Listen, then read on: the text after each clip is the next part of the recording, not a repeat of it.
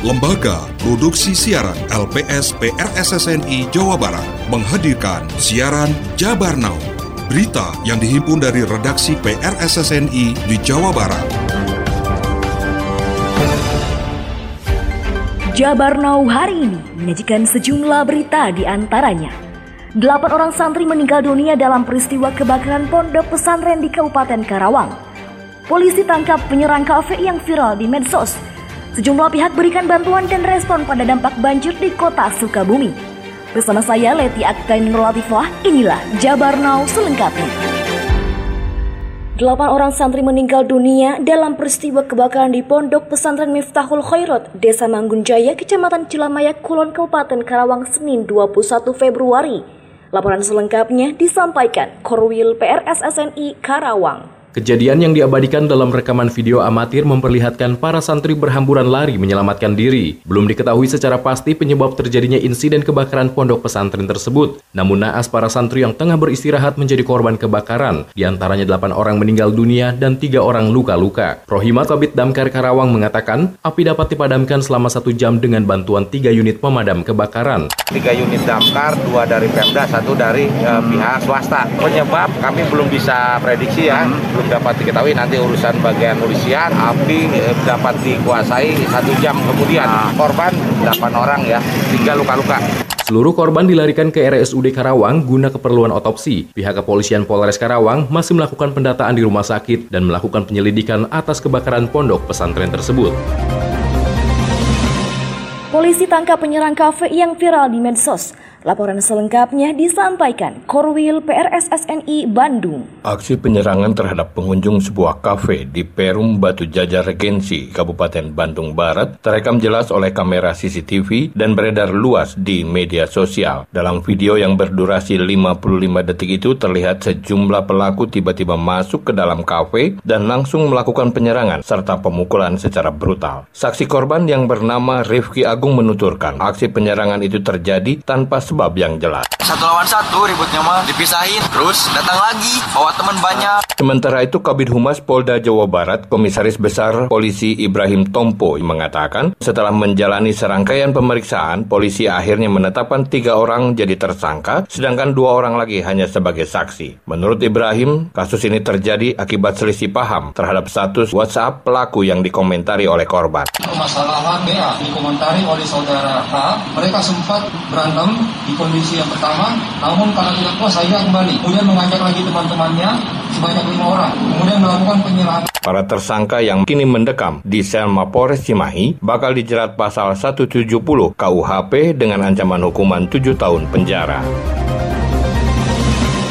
Atasi kelangkaan minyak goreng, pemerintah suplai minyak curah dengan harga Rp11.500. Laporan selengkapnya disampaikan Korwil PRSSNI Priangan. Kelangkaan minyak goreng dan minyak curah saat ini tak hanya meresahkan masyarakat, namun juga para pedagang pasar di Kabupaten Garut. Hal itu seperti diakui Wendy, seorang pemilik kios kelontongan di Pasar Kaler Cisurupan. Tak hanya minyak kemasan yang langka, minyak curah pun banyak dicari pembeli.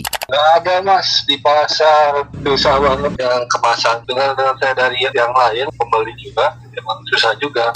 Terhadap kelangkaan itu, Kepala Dinas Perindustrian dan Perdagangan Energi dan Sumber Daya Mineral di Sperindak dan ESDM Kabupaten Garut Nia Gania Karyana menyatakan mulai Selasa 22 Februari Kemendag akan menyuplai minyak curah dengan harga Rp11.500. Menurut Nia, pihaknya akan mendata pedagang di pasar-pasar di wilayahnya agar tidak terjadi kekacauan juga berkoordinasi dengan pemasok supplier minyak curah. Ia mengimbau masyarakat dan pedagang agar tenang dan sabar karena semua langkah itu butuh waktu pendataan pedagang-pedagang yang ada di pasar-pasar di Kabupaten Garut. Kedua, koordinasi dengan supplier yang sudah ada dan menjadi pemasok minyak curah. Jangan sampai begitu pemerintah suplai dengan harga 11.500, tak ada supplier-supplier kita yang terganggu. Gubernur Ridwan Kamil saat kunjungan kerja ke Priangan Timur dua hari lalu menyebut saat ini Jawa Barat sudah menerima pasokan 30 juta liter dan pihaknya tengah memantau distribusi yang berlangsung sudah di drop 30 juta. Sedang kita atur pembagiannya, di mana ada drop dari pemerintah pusat, kita selesaikan dengan cepat.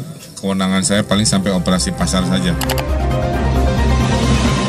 Banjir yang melanda kota Sukabumi 17 Februari mendapatkan bantuan serta respon Gubernur dan Kapolda Jawa Barat. Laporan selengkapnya disampaikan Korwil PRSSNI Sukabumi. Gubernur Jawa Barat Ridwan Kamil dan Kapolda Jawa Barat Irjen Polisi Suntana mengunjungi Kelurahan Jaya Raksa, Kecamatan Baros untuk menyalurkan sejumlah bantuan kepada korban banjir di wilayah kota Sukabumi. Melihat langsung permasalahan ya, banyak sekali rumah yang rusak berat. Wali Kota Sukabumi Ahmad Fahmi menjelaskan banjir yang terjadi 17 Februari lalu berdampak pada 696 kepala keluarga dan 1.670 jiwa di 3 RW.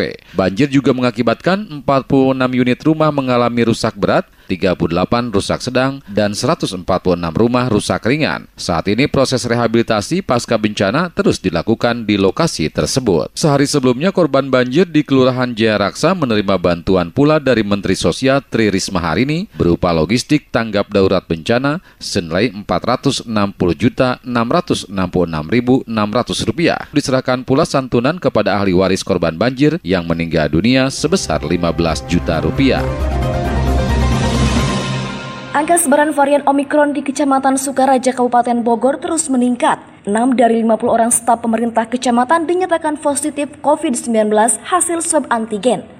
Laporan selengkapnya disampaikan Korwil PRSSNI Bogor. Guna mengantisipasi penyebaran lebih luas lagi, pemerintah Kecamatan Sukaraja Kabupaten Bogor melakukan tracing dengan swab antigen ke semua staf dan karyawan pemerintahan Kecamatan Sukaraja. Sedikitnya puluhan staf dan karyawan pemerintahan kecamatan melakukan tes swab antigen. Camat Sukaraja Aden Mamun Nawawi mengatakan, swab antigen yang rutin dilakukan ini lantaran kasus COVID-19 Omicron di wilayahnya mengalami peningkatan. Sekarang lagi puncaknya, sehari bisa 50 sampai 100. Dalam rangka memastikan pelayanan kepada masyarakat, staf kami dicolok dulu di antigen dulu. Mana kalau ada yang positif, kan kita bisa istirahat di rumah isoma. Jadi tiap sore setelah selesai, nanti jam 4 jam 5 disemprot ruangan-ruangan. Dari 50 orang yang di swab antigen, 6 orang di antaranya dinyatakan positif COVID-19 dan dipulangkan guna karantina mandiri. Terima kasih. Anda telah menyimak siaran berita Jabar Now yang diproduksi oleh Lembaga Produksi Siaran LPS PRSSNI Jawa Barat.